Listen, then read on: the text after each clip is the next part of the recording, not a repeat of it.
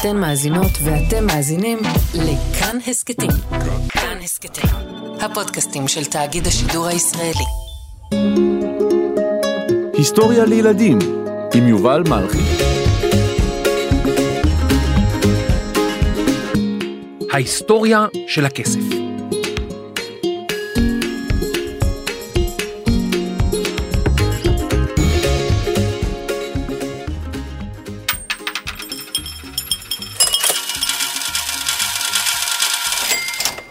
שלום ילדים, שלום ילדות.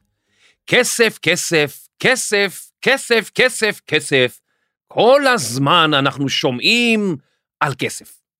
אנחנו יודעים שעם כסף קונים דברים, ושצריך לעבוד כדי להרוויח כסף. אבל מאיפה בכלל הגיע הכסף? מי המציא אותו? ומה עשו לפני שהמציאו את הכסף? זה אולי יישמע לכם מוזר, אבל פעם לא היה דבר כזה כסף.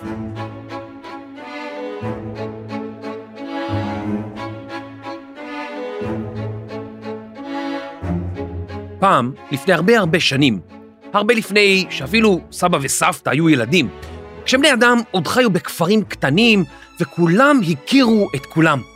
היה אפשר להסתדר בלי כסף. זה היה די פשוט. שושי הייתה מביאה לכם קצת חיטה, ובתמורה דודי שמר לה על הילדים, או שאופיר תפר לכם חולצה, ואתם בתמורה נתתם לו זיתים מהעץ שלכם. לתופעה הזו קוראים סחר חליפין. אנשים היו מחליפים מוצרים ושירותים בתמורה למוצרים ושירותים אחרים. שירותים לא אסלה או השירותים בבית שלכם, אלא שירותים, כמו למשל שאני אעשה עבורכם משהו, שאתם תעשו משהו עבורי, שירותים. סחר חליפין היה לא רק בין אנשים, אלא אפילו בין אימפריות, ממלכות ומדינות. חליפין בעברית זו מילה נרדפת לתחלופה. זאת אומרת שפשוט מחליפים מוצר אחד באחר. למשל, חיטה תמורת חולצה חדשה. או פרק פודקאסט תמורת קרטיב. מה? לא, לא משנה איזה טעם. תפתיע אותי, תביא לי טעם טעים. אה, תודה. Mm. Mm. טעם מוזר קצת. איזה טעם הבאת לי? מה?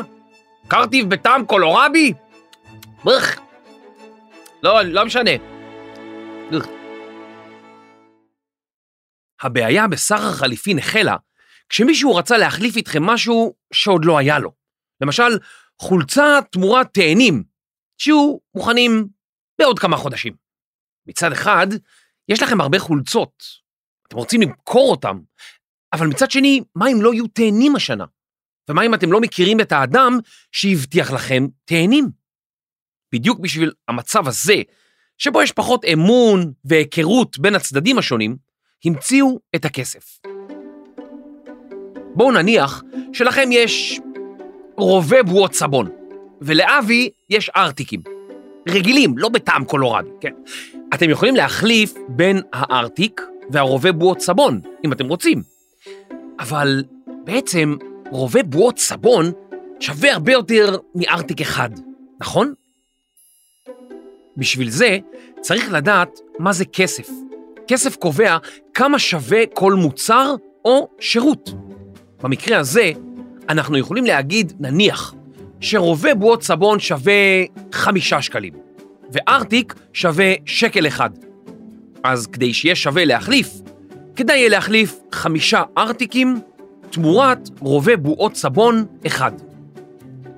כמובן שהמצב הזה יכול להשתנות, למשל, אם יש רק רובה בועות סבון אחד בכל העולם, אז הוא יהיה שווה המון, לא יודע, אלף קרטיבים. אבל מה אם יש קרטיבים בכל פינה? בכל מקום שאתם הולכים יש קרטיבים וקרטיבים וקרטיבים והמון המון קרטיבים, אז הקרטיבים לא יהיו שווים כל כך הרבה. ומה אם יש המון המון המון רובי בועות סבון והמון המון קרטיבים? זה כבר נהיה מסובך בשבילי. המילה כסף היא מילה קדומה. היא מופיעה כבר בתנ"ך. יש הטוענים שבשפות אחרות במזרח התיכון, כסף פירושו היה לחתוך ולשבור, שזה מה שעושים כשמטפלים במתכת, כמו כסף. לא כסף, מטבעות ושטרות, אלא המתכת, כסף, זהב, כסף, אתם יודעים, אתם יודעים. אז איך בכלל נוצר כסף? מאיפה הוא בא? הרי הוא לא גדל על העצים. פעם, במקום להחליף מטבעות וניירות, כמו שעושים היום, היו מחליפים דברים יותר פשוטים, כמו צדפים מהים, מלח ותבלינים אחרים, מתכות שונות, ואפילו בדים, למשל משי. אבל כמה שווה כל צדף או צדף? אולי הוא שווה סכום אחד באפריקה וסכום אחר בסין. בממלכת בבל מצאו דרך יצירתית להתגבר על הבעיה הזו. איך קובעים ערך של מוצר? בערך בשנת 700 לפני הספירה, הם המציאו פטנט חדש, מטבעות. מלכי בבל הבינו שאפשר לקחת מתכת ולחרות עליה לא רק את הפנים היפות של המלך, אלא גם ערך מסוים, נניח חמישה שקלים. וככה, במשך מאות שנים, אנשים השתמשו במטבעות מתכת מסוגים שונים כדי לסחור אחד עם השני. על גבי המתכות היו כותבים מה ערך המטבע, והיו שמים חותמת רשמית של המלך או הממלכה. בתרבויות שונות הטיחו מתכות כמטבעות, בעיקר זהב, נחושת, ערד וכסף. הסיבה היא כי אלו מתכות שיש להם שימוש גם בלי לתפקד ככסף. זאת אומרת, אם נותנים לך מטבע מזהב, גם אם מחר הממלכה תיכבש על ידי ממלכה אחרת שתביא מטבעות משלה, תמיד תוכלו להתיך או להמיס את המטבע, ואז למכור את הזהב עצמו. כבר בתקופת התנ"ך מוזכרים שימוש בכסף ובמטבעות בשביל מסחר. למשל, בסיפור של יוסף וכותונת הפסים, נכתב כך: ויעברו אנשים מדיינים סוחרים, וימשכו ויעלו את יוסף מן הבור, וימכרו את יוסף לישמעאלים בעשרים כסף, ויביאו את יוסף מצרימה. במקרה הזה, הסוחרים המדיינים והישמעאלים במצרים סחרו לא בחיטה, אלא ביוסף.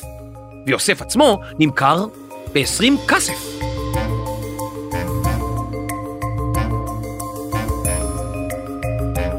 בערך בשנת אלף לספירה, לסינים היה רעיון נוסף. למה אי אפשר בעצם לרשום על ניירות מיוחדים את הערך של הכסף? למה משתמשים רק במתכות? הסינים היו הראשונים להמציא את הדפים והדפוס, והם חשבו שיהיה יותר הגיוני להדפיס על נייר, כי הוא לא שוקל הרבה, וכך הם פיתחו את שטרות הכסף. הפיתוח של הדפסת ערך כסף מנייר אפשר להמציא שטרות חוב. שטר חוב הוא למעשה כמו חוזה קטן, שבו אני לוקח כסף מכם וחותם שאני מתחייב להחזיר לכם את הכסף. לפעולה כזאת, שאני מלווה כסף למישהו והוא מתחייב להחזיר, קוראים אשראי. אם שמעתם על כרטיס אשראי, זה בדיוק זה. כרטיס שמאפשר לנו לקחת הלוואה קטנה, שאנחנו מתחייבים להחזיר תוך זמן קצר, נגיד חודש. ועכשיו סיפור קטן. בשנת 1096 הכריז האפיפיור אורבן השני שעל הנוצרים לצאת למסע צלב, לשחרר את ירושלים מידי המוסלמים.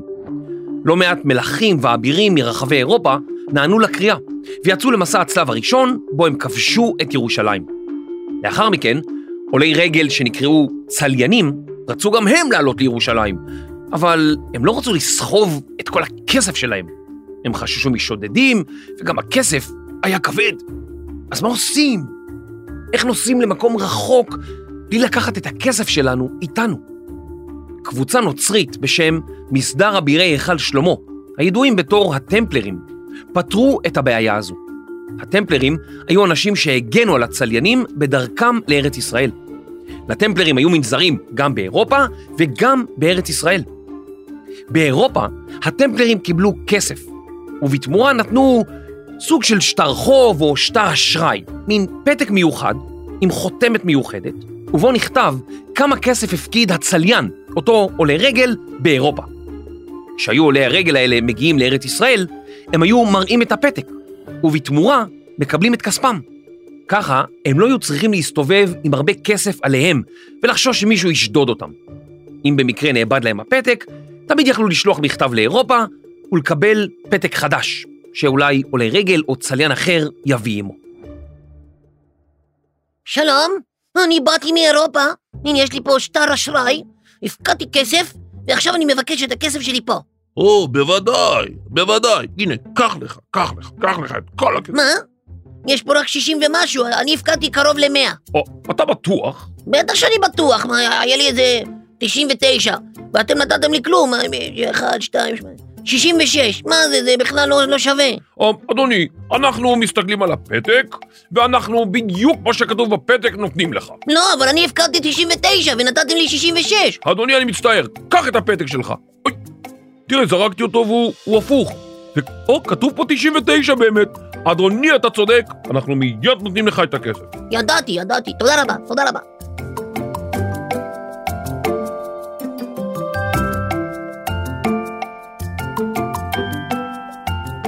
בשנת 1472, בעיר סיינה באיטליה, הקימו את הבנק הראשון בעולם, כפי שאנחנו מכירים היום.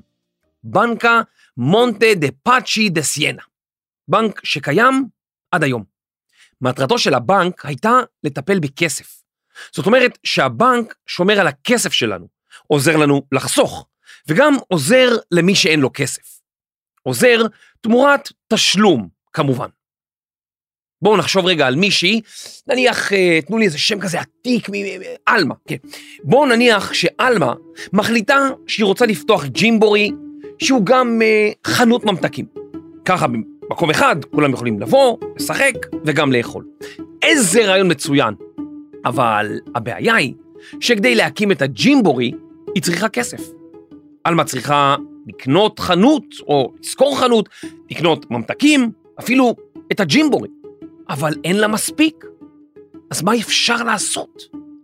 עלמה יכולה ללכת לבנק, להגיע לפקיד ששמו דור, ולספר לדור על הרעיון שלה לג'ימבורי שהוא גם חנות ממתקים. דור יכול להסתכל על הנתונים, לבדוק אם זה רעיון טוב, ואז להגיד לעלמה, אני מלווה לך את הכסף להקים את החנות ממתקים ג'ימבורי שלך, איך שקוראים לזה. הכסף שהבנק נותן לעלמה נקרא הלוואה.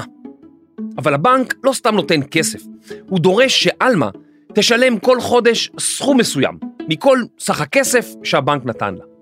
נגיד שהבנק נתן לעלמה 100 שקלים. עלמה תשלם כל חודש 10 שקלים, ובתוך עשרה חודשים היא אמורה לסיים את ההלוואה, נכון? עשרה שקלים, עשרה חודשים, עשר כפול עשר, או עשר ועוד עשר ועוד עשר ועוד עשר, שווה מאה. אבל הבנק מסתכן שהוא נותן את הכסף לעלמה.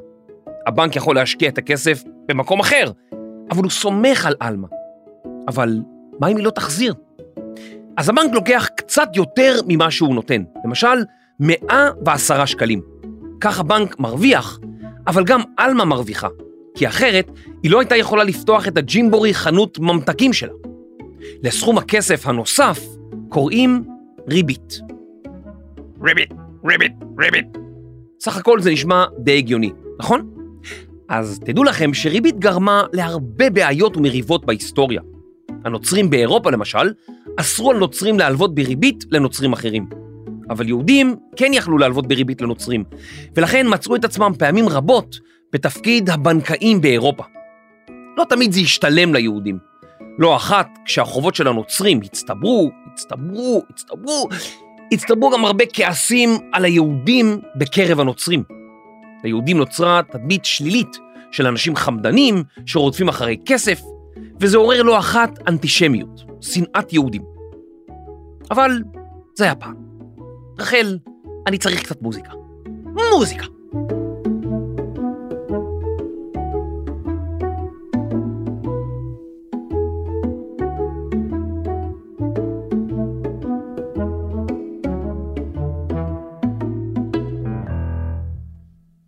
באופן משונה, לפעמים יותר מדי כסף יכול להיות בעיה. יותר מדי ממשהו מסוים זה לא תמיד טוב. למשל, אה, בננות. תחשבו שמחר תקבלו מתנה 500 בננות. מה תעשו עם כל כך הרבה בננות? המלך מנסה מוסה ממאלי, מדינה באפריקה, למד את השיעור הזה בדרך הקשה. לא עם בננות, אלא עם זהב. מנסה מוסה היה המלך של מאלי באפריקה. ובשנת 1324 החליט לצאת לחאג'. חאג' זו עלייה לרגל למכה, שגם נמצאת בסעודיה. היא נחשבת לאחת המצוות הכי חשובות באסלאם. מנסה היה מוסלמי אדוק, ולכן החליט לצאת לחאג', עלייה לרגל. כיוון שמאלי הייתה אז ממלכה עשירה, אבל לא מאוד מפורסמת, הוא החליט להפוך את החאג' שלו גם למסע פרסום למאלי, כדי להראות לעולם כמה מאלי עשירה וטובה. הוא יצא למסע מלווה בשיירה של אלפי אנשים, מאות גמלים ו-136 קילו זהב, שזה המון המון זהב.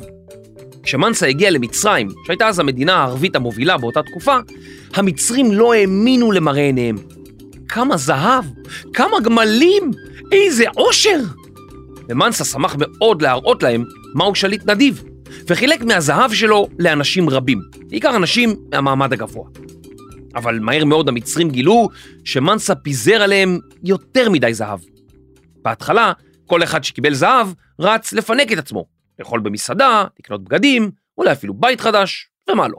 אחרי הכל הוא עשיר, יש לו זהב. הבעיה הייתה שפתאום היה המון המון זהב במצרים. וכשיש הרבה ממשהו, הערך שלו יורד. מהר מאוד, זהב הפך לחסר ערך במצרים.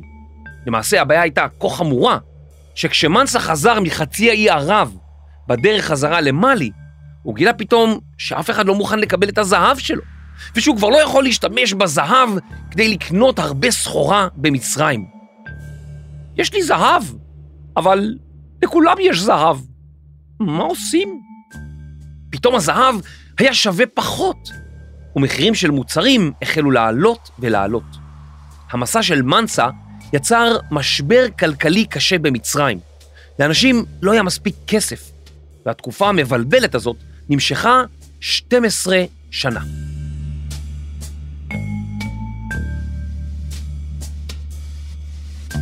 בשנות ה-50 של המאה ה-20, לפני כ-70 שנה, היה לכמה אמריקאים רעיון. למה בעצם צריך להסתובב כל הזמן עם שטרות ומטבעות? זה לא נוח. אז הם המציאו את כרטיס האשראי. נניח שעכשיו אתם בקניון ואתם רוצים לקנות צעצוע חדש, אבל אין עליכם כסף, לא מטבעות ולא שטרות, אז מה עושים? טוב ששאלתם. אפשר לשלם בכרטיס אשראי. כרטיס פלסטיק קטן, שעל הפלסטיק רשומים פרטי חשבון הבנק שלכם, היכן ששמור הכסף שלכם. את הכרטיס אשראי אפשר לתת לחנות. הם מעבירים את הפרטים של כרטיס האשראי למחשב גדול, שבודק אם באמת יש לכם כסף בחשבון, ואם כן, כסף מהחשבון יעבור מהחשבון שלכם לחנות. ככה אפשר לקנות כל מיני דברים, בלי שתצטרכו להחזיק הרבה כסף בארנק בכל רגע. בשנים האחרונות, הפרטים האלה שמורים גם בטלפון הנייד, וכיום אפשר לשלם גם באמצעותו, ואפילו בעזרת אפליקציות שונות. כיום יש עוד כל מיני דברים, כמו למשל מטבעות וירטואליים. אולי שמעתם את השם ביטקוין. זה כסף שלא נשלט על ידי ממשלה כלשהי, והערך שלו יכול לעלות ולרדת בצורה חדה ומהירה. המטבעות הללו נשמרים במחשב, ואין לכסף הזה באמת מטבעות או שטרות. טוב, אז מה עם כסף בישראל? למה לא דיברנו על זה? רעיון טוב, בואו נדבר על זה. בישראל השתמשו בעבר במטבע שנקרא לירה. בשנת 1980 עברו למטבע בשם שקל. לאחר מכן, בשנת 1985, למטבע בשם שקל חדש, שזה המטבע שלנו כיום. מקור השם שקל הוא בתנ"ך. השקל מוזכר כמטבע בתנ"ך, ומקור המילה הוא בהכדית, משמעותו משקל. השתמשו בשם שקל לציין את כובד המשקל של המטבעות, ולפי זה את השווי שלהם. אז בואו נדבר קצת על כסף ועליכם. כן, כן, עליכם. אני רוצה לדבר עליכם בהיסטוריה לילדים. מה אסור? מותר, בבקשה. אנחנו מרוויחים כסף כאשר אנחנו עובדים או מקבלים דמי חנוכה. כשאנחנו קונים משהו, אנחנו מוציאים כסף. לפעמים נדמה לנו שיש לנו הרבה כסף, ואנחנו קונים ממתק, ואז צעצוע שנשבר, ופתאום הכסף נגמר. לפעמים אנחנו מתבלבלים בין רוצה וצריך. כשאנחנו רוצים לקנות משהו, תמיד צריך לשאול את עצמנו, האם זה משהו שאני רוצה, או משהו שאני צריך? יש הבדל גדול בין השניים. למשל, אתם צריכים מעיל לחורף, כדי שלא יהיה לכם קר, אבל אתם רוצים רובה בועות סבון. כדי להתנהל נכון עם כסף, אנחנו צריכים לתכנן איך להשתמש בו, ממש לעשות תוכנית. כשמוציאים כסף בלי לתכנן מראש, זה כמו ללכת לסופר ולזרוק לעגלה כל מיני מוצרים, במקום להגיע עם רשימה מסודרת ולקנות רק מה שצריך.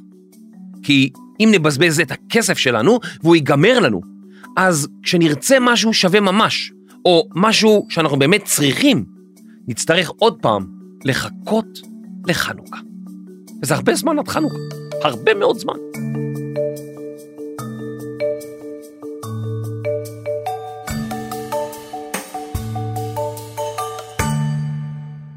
ורגע לפני סיום, ביקשתי מחבר של התוכנית, שאול אמסטרדמסקי, לתת כמה טיפים לילדים בנושא כסף. שאול הוא פרשן כלכלי, זאת אומרת שהוא מפרש כל מיני דברים שקשורים לכסף, אז הוא מבין ממש טוב בכסף. הנה שאול. קיבלתם כסף ליום הולדת או לחג, או שההורים נתנו לכם כסף, מה עושים עכשיו? אז הטיפ הראשון שלי הוא, דעו שאין נכון או לא נכון. אתם יכולים להשתמש בכל הכסף שלכם עכשיו, או לחסוך את כולו לאחר כך, או להשתמש בחלק עכשיו ולחסוך חלק לאחר כך. אל תקשיבו לאנשים שאומרים לכם שיש רק דבר אחד שנכון לעשות עם כסף. דבר שני, אם החלטתם להוציא את הכסף שלכם על משהו עכשיו, שנייה לפני שאתם עושים את זה, בדקו כמה הוא עולה. לא רק בחנות אחת, אלא בכמה חנויות. באינטרנט או בקניון זה פחות חשוב, העיקר שיהיו לכם אפשרויות. הגדולים קוראים לזה סקר שוק. אם תמצאו מקום שמוכר את זה קצת יותר בזול, יותר כסף יישאר לכם בכיס. דבר שלישי, אם אתם רוצים לחסוך חלק מהכסף שלכם, זה מעולה. הנה הצעה, במקום סתם לחסוך כסף בקופה, אני מציע לכם לחשוב על מטרות מסוימות שלשמן אתם רוצים לחסוך. למשל, לקנות איזה משחק מסוים שאתם רוצים, או איזה בגד יפה במיוחד, או ללכת לסרט. מה שתבחרו. ברגע שיהיה לכם משהו מסוים שאתם חוסכים אליו בראש, יהיה לכם קל יותר להבין ולחשב כמה זמן אתם צריכים לחסוך בשביל להגיע למטרה שלכם. ואחרון חביב, זכרו שכסף הוא לא המטרה, הוא רק האמצעי. הכסף משמש אותנו בשביל להשיג דברים שאנחנו רוצים, ולכן, סתם לצבור אותו זה לא מספיק טוב, וסתם להיות עשירים גם זה לא מספיק טוב. החוכמה היא מה אתם עושים עם הכסף הזה, ואיך אתם משתמשים בו למטרות טובות. זה הכל.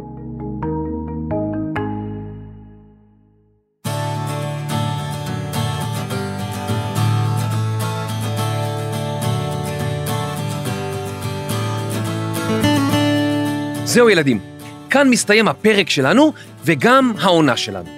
גם אני מתבאס כמוכם, אבל אל דאגה. אנחנו עובדים על 30 פרקים חדשים לשתי העונות הבאות, ונחזור בהקדם, אני מבטיח. עד אז תוכלו להאזין לפודקאסט שלי, ילדין, שעולה בעונה חדשה. תוכלו לשמוע פרקים חוזרים של היסטוריה לילדים. תקראו ספר, לבד או עם ההורים, ותעשו קולות מצחיקים, כמו בהיסטוריה לילדים. ולסיום, רציתי להגיד לכם תודה, תודה מכל הלב. תודה שאתם אוהבים את היסטוריה לילדים. אני מאוד אוהב את הפודקאסט הזה, ובזכותכם אנחנו ממשיכים וממשיכים. אז תודה ילדים, תודה ילדות, ותודה ענקית להורים. ניפגש בעונה הבאה, שממש מעבר לפינה. תודה גדולה לשאול אמסטרדמסקי על הטיפים החשובים. מחקר, כתיבה והלוואה בריבית, גיא פולט. עריכה, קריינות, ואיבד את הפתק בשביל הטמפלרים, יובל מלכי. עריכת לשון, וחסכה המון המון לירות, דינה בר מנחם. עריכת סאונד, מיקס, וקיבלה זהב ממנסה מוסה, רחל רפאלי. הפקה, והאנשים שמחלקים דמי חנוכה, ניר גורלי, טל ניסן ורני שחר. אני יובל מלכי, היסטוריה לילדים וילדות.